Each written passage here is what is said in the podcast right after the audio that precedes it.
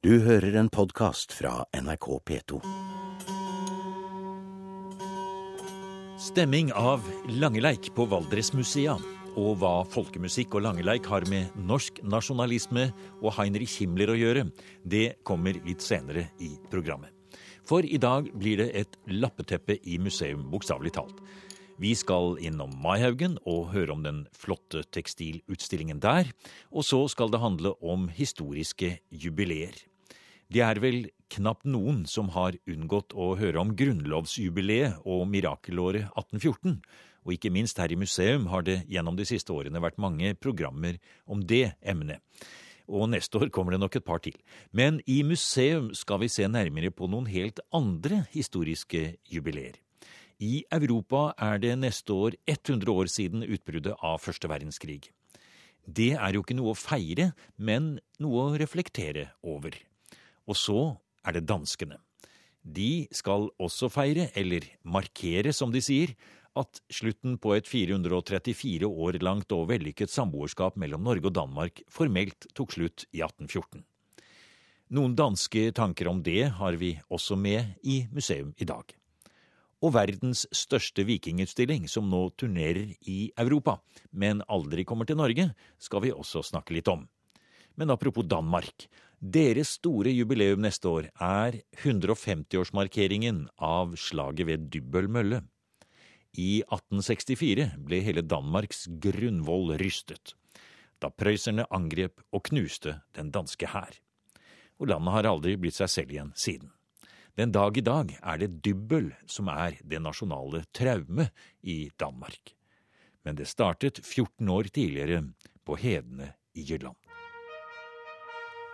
Slaget på Isted Hede i Slesvig i juli 1850, det er det knapt noen nordmann som har hørt om.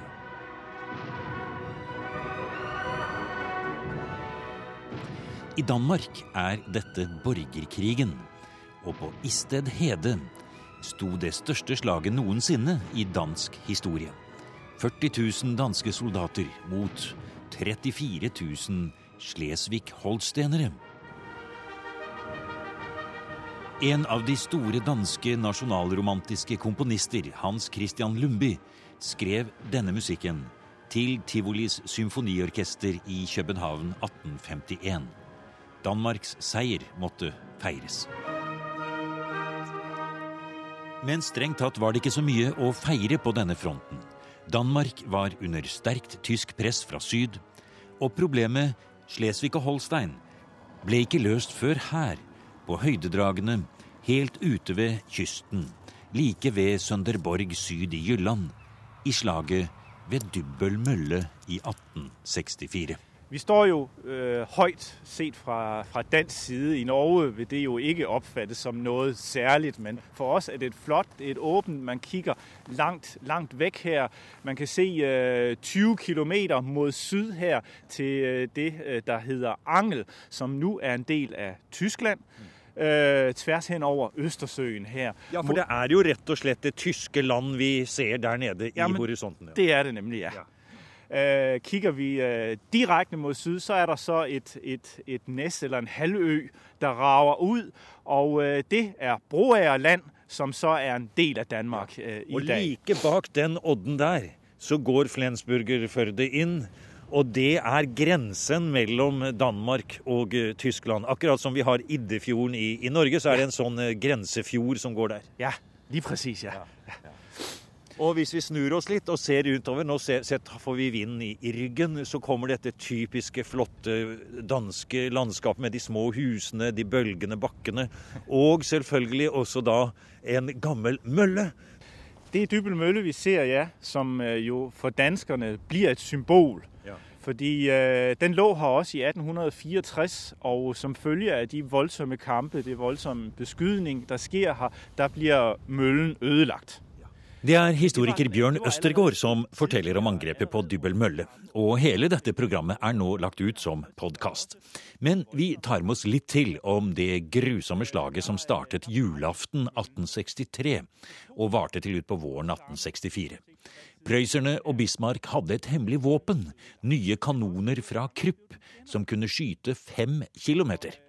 og langt utenfor rekkevidde av de gamle danske kanonene, som for øvrig den dag i dag er utstilt som krigsbytte på monumentet Sigersøyle ved Brandenburger Tor i Berlin. Der snekrer prøysserne opp en tilskuertribune ved siden av sine artilleristillinger. Det var så over på øh, Broager Land, øh, bag de preussiske kanonstillinger derovre. Så derfra kunne man skyde parallelt med den danske stilling. Så det var som å skyde opp av en bowlingbane nærmest. Ikke? Altså, skød man litt for langt, så ramte man noe alligevel. Ja, ja.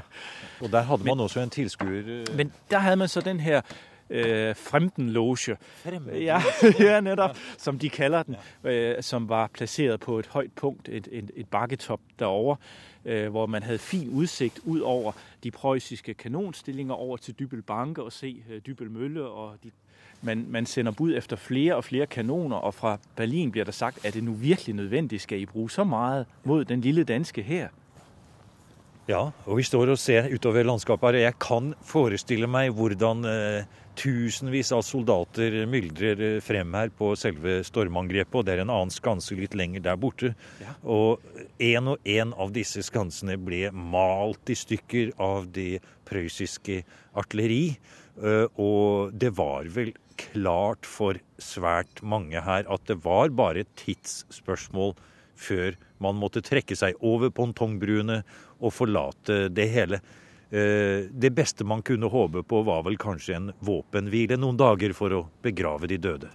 Man kan jo se at preusserne har nå gravet seg så tett på at en storm den skjer i løpet av få minutter, vil man ha erobret de første skanser her. Og så er det ikke mulig å forsvare sånn stilling lenger. Så derfor og historien om 1864, da Danmark mistet en tredjedel av sine statsinntekter og en stor del av sine landområder.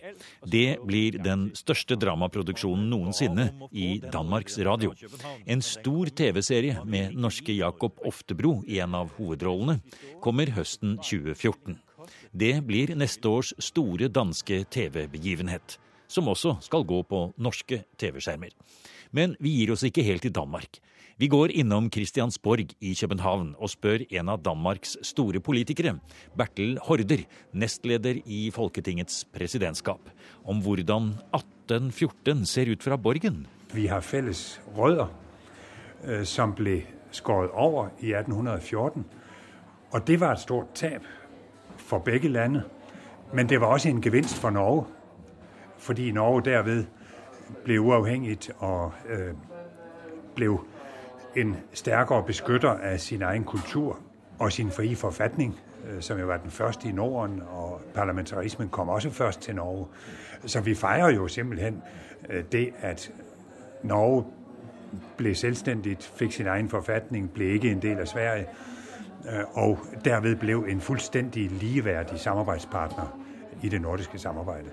Så altså Det nordiske er jo blevet inn hvor det før var yt.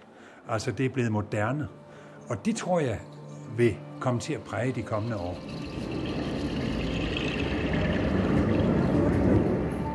Det er Thor som rir over himmelen. Ja. Her står vi midt inne i lydkulissene til Europas største vikingutstilling på Nasjonalmuseet i København.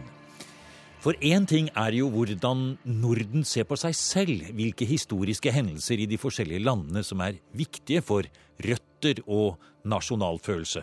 En helt annen ting er hvordan verden der ute ser på oss. Vikingtiden er jo f.eks. noe mange nordmenn forbinder med det typisk norske.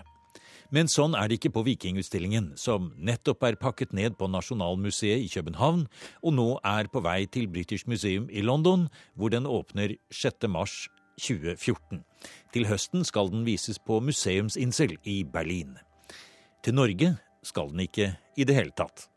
Og bildet av vikingtiden er konsentrert rundt moderne begreper som internasjonal handel, nettverk, kunst og krig, med sentrum i Danmark og kystene rundt Nordsjøen og Østersjøen. Her er kurator Peter Pence ved Nasjonalmuseet i København. Altså det er helt sentralt i utstillingen, og utgangspunktet var faktisk i begynnelsen at vi ville vise at hele verden hang sammen, og at vikingerne ikke var et isoleret folk der kom ut av ingenting, plutselig dukket opp ved en ø utenfor øh, den nordengelske kyst og slo ihjel. Nei, det var folk de godt kjente i forveien. De visste godt det var de mennesker der. Øh, så så det, vikingene var ikke et isoleret folkefærd. Slett, slett ikke. Midt i utstillingen står verdens største vikingskip i form av et elegant 37 meter langt stålskjelett, hvor restene av omtrent en fjerdedel av den ene skipssiden er montert inn. Dette er et skip som kan seile både til lands og til vanns og i luften med, som Christiane Strettkvern sier. Det er hun som har ledet arbeidet med konserveringen av treverket, og som skal være med for å montere skipet både i London og Berlin. Og jeg ser det som et, som et skandinavisk skip. Ja. Altså et, altså det, er, det, er, både norsk og dansk i sine røtter.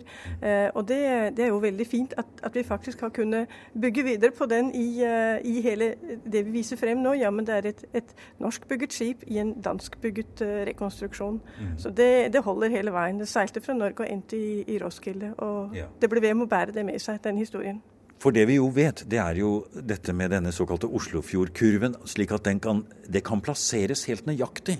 Både årstall og stedet hvor eh, eiketømmeret har vokst.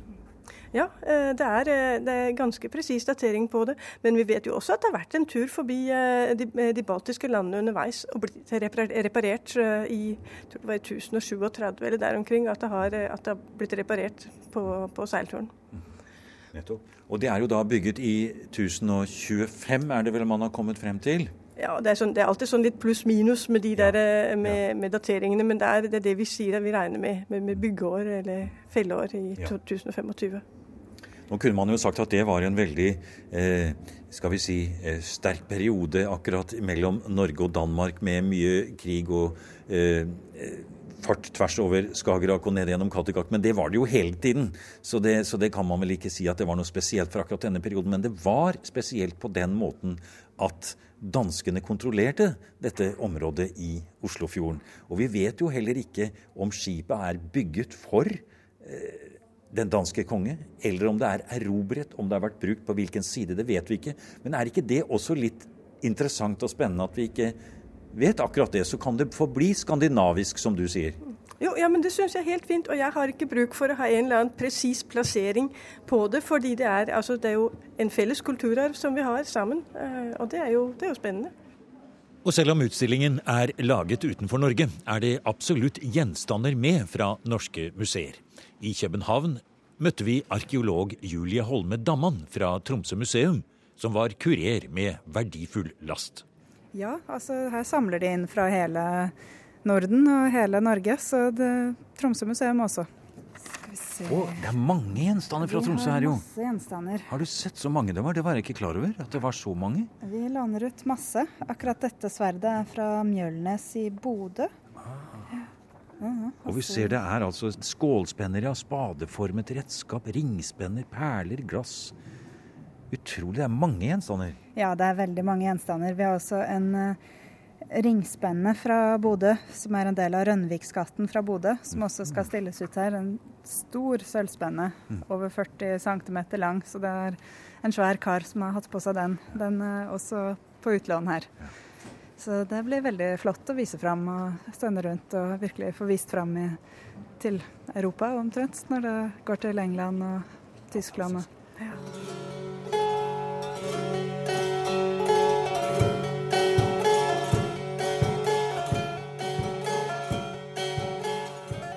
I starten av programmet lovet vi en historie med Langeleik.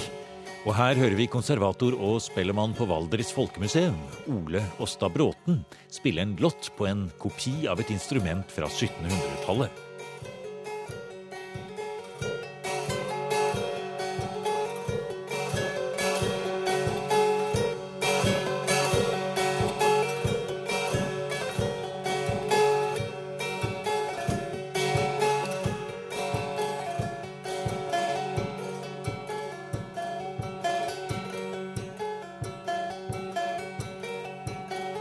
Var kollega Jan Henrik Ilebekk som litt tidligere i høst besøkte Valdresmuseet.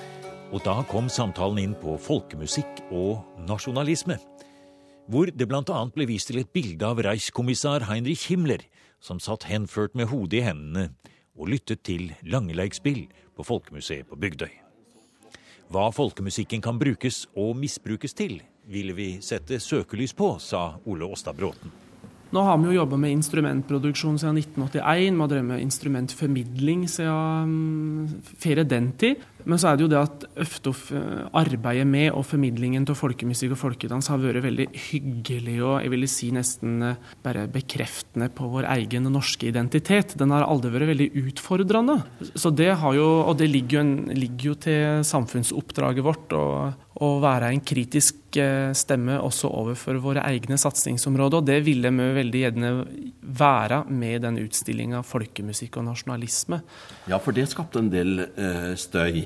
Jeg hørte debatter på radio. Jeg hørte mm, profilerte folkemusikere som ikke ville komme hit engang, for dette likte de ikke. Nei, mens vi tenkte heller at vi ville forsøke å ta opp et tema som har vært underkommunisert i folkemusikkmiljøet, nemlig hva slags eh, ideologisk og kulturpolitisk eh, tenkning har det vært omkring folkemusikken? Og på hva slags måte har folkemusikken da blitt plassert inn i ulike kulturideologiske folder, også under krigen? Og det var vel særlig, særlig det som eh, plaga noen. Ja, skal vi gå og se på den, da? Ja. Det er Heinrich Himmler som sitter andektig og hører på eh, langleikspilleren Ola Brenno, som eh, jobba på Norsk Folkemuseum og underholdt for eh, de som kom innom. Og Heinrich Himmler han var jo, han var jo opptaken til norsk folkemusikk og norsk folkekultur, og ville da i 1941, da han var på norgesbesøk, bli bedre kjent med den. Han hadde jo, sånn jeg har forstått det, lenge vært interessert i eh, norsk eh, folkekultur gjennom den Følkers-bevegelsen som en, eh, som en sto sentralt i. Mm. Og så, eller tidligere, så gikk han jo også, sto han jo også i bresjen for å etablere Anen-erbe, et dokumentasjonssenter som nettopp skulle dokumentere den norske folkemusikken. Men her, da, altså i 1941, så er han på Norsk Folkemuseum for å bli bedre kjent med Ola Brenne og Langeleikspelet. Han sitter i, i, hjørnet? Han sitter i hjørnet på enden av bordet med hodet sitt eh, hvilende nede i høndet og lytter ja. veldig andektig, ser det ut som. Så hvor han egentlig hører, det har jeg lurt litt på. Rent slik umiddelbart ser en jo at han sitter og lytter til Ola Brennum, men jeg tror nok han ser for seg eh, dette spillet godt plassert på eh, den germanske kulturpyramidens eh, topp. Ja, ja, riktig. Det er nok kanskje den jeg begynner å tenke til hva jeg satt og følte når jeg satt nede ved bordet og hørte deg spille i stad. Oh, og blir satt i samme bås. At det blir Henført. henført. Eh, hvordan har reaksjonene vært sånn nå eh, hvor den har vart en, en eh, god stund? Nei, de har vært veldig positive. Utelukkende positive, vil jeg si. Noen har kanskje vært litt engstelige for at vi ikke skiljer mye den, eh, den norske grasrotnasjonalismen og den mer statsbærende nasjonalismen som en da ser tendensene til i andre land, også nabolandet vårt. Men det syns jeg vi har klart å skilje godt på i denne utstillinga her. Det er vel sånn at, eh, at, folkemusikken kan da bli brukt av ideologier, og at ikke ideologien ligger i gjemt et eller annet skummelt sted i folkemusikken eller dens utøvere? Nei, det er jo en veldig viktig presisering at når en går og titter på disse bildene her, så må en, jo, eh, må en jo si at det er jo ikke musikken som er bærer av noe eh, ideologisk eller politisk eller nazistisk, for den del. På ingen måte. Det er jo, det er jo omstendighetene rundt som av ulike grunner ønsker å trekke musikken og utøverne inn i sin fold. Og det ser en jo i denne utstillingen her. Har, slik har det jo vært helt siden eh, tidlig på 1800-tallet. Nå går vi jo forbi Hulda Garborg, og, ja. og vi ser Olav um, Ole Bull, Ole Bull her, og Myllargutten. Og her har vi jo Lindemann. Er det, er det, flere sånne temaer å ta fatt i eh, for dere? Ja, jeg kunne tenke meg at uh, at vi fortsetter dette arbeidet. Fordi når en jobber med et sånt prosjekt som dette her, så er det jo det er jo, du må jo utøve avgrensningskunsten. Det er mye du må utelate. Og jeg kunne nok tenkt meg å bli bedre kjent med de personene som vi bare eh, litt sporadisk nevner i flere sammenhenger her. Eh, annet Anders Underdal, eller spelemann Ola Mo, eller Ola Brenno for den del. At vi går litt mer inn og portretterer den enkelte. Så det her, den utstillingen her, den bare mm, lanserer ti nye spørsmål og ti nye problemstillinger.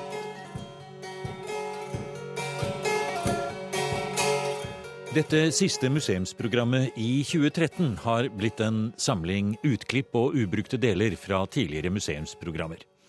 Da passer det bra å slutte med et ekte lappeteppe fra Maihaugen på Lillehammer. På utstillingen Tusen tråder henger det et sengeteppe av akkurat den typen kvilt som norsk-amerikanerne i Midtvesten lager mens de tenker på det som er aller mest typisk norsk. Og det var kanskje også slik en gang for lenge, lenge siden at gjenbruk, nøysomhet og forsiktighet var den viktigste valutaen. Denne sykkelen er vel ikke med, Kirsti? Jo, den er faktisk et velkommen til utstillinga, den. Den tilhørte Gunvor Ingstad, søstera til Helge Ingstad. Hun var den første kvinna som fikk fast stilling på Mahaugen. Og Sandvik, som stifta Mahaugen, han eh, hadde fått pålegg om at alle gjenstander skulle registreres. Og her kan du se hennes håndskrift. Her har hun registrert ca. 600 gjenstander i den andre protokollen på museet. Så det er linken til tekstilutstillingen, altså? Ja, det var altså at Gunvor Ingstad arbeidet med tekstiler? Yes. Og det hun gjorde, hun ble da sinna ut på sykkel oppover Gudbrandsdalen for å samle uh, tekstiler og samla til håndverksutstillinga her, håndverkssamlinga. Og hun har sykla mer enn noen tror, opp og ned dalen for, uh, for Anders Sandvik. Når vi snakker om tekstil, så tenker vi jo ofte på plagg, klær, tepper, kanskje flotte vevde ting. Men det er jo også et liv for noen av disse plaggene når de er utslitt, når de blir klipt opp, når de skal inn i et lappeteppe. Ja, og her har vi to lappetepper som egentlig er to store motsetninger. sant? Det ene er av trekanta silke. Små silkebiter. Og det har et felt i midten som òg har et uh, årstall. 1656. Og Ja, et monogram. ja. monogram. Ser du det? 1656, jeg ser det. Og så en krone. Ja, krone CSMD 1656. Og vi har dessverre ikke opplysninger om det teppet. Det har vært her siden tidlig 1900.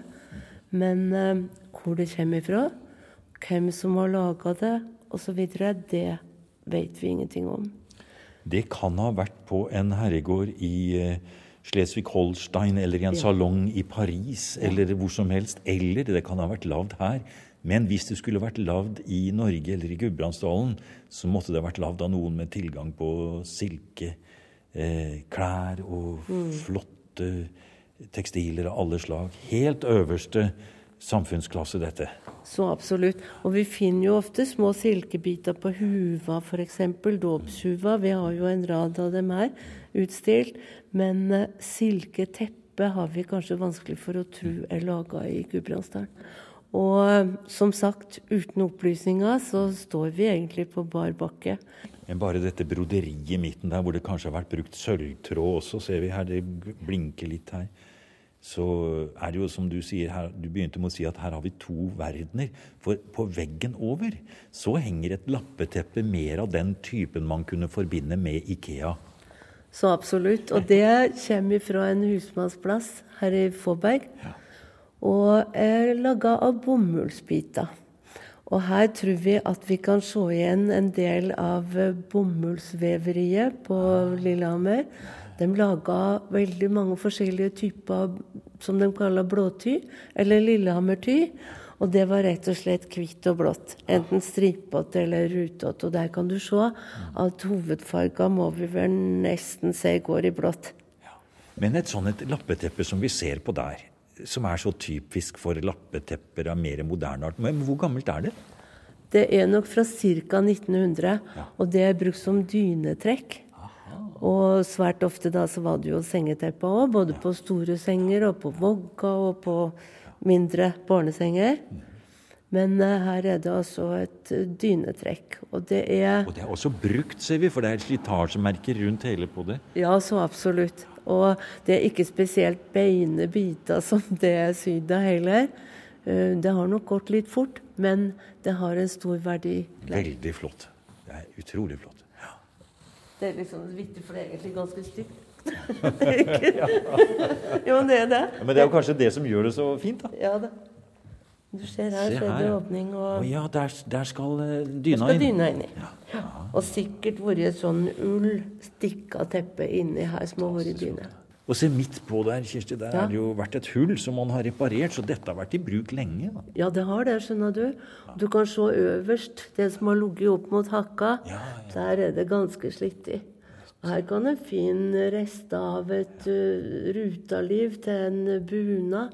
Her kan du finne blusestoff, og her er noe litt uh, grøvere stoff. Kanskje en svartkjole. Mm. Skjorta er det her. Ja. Helt sikkert. Og forkle. Ja. Og en kan godt lage en historie om det teppet. Levd liv, ja. Ja. Du har nå hørt en podkast av programmet Museum fra NRK P2. Send gjerne en e-post til museum krøllalfa nrk.no.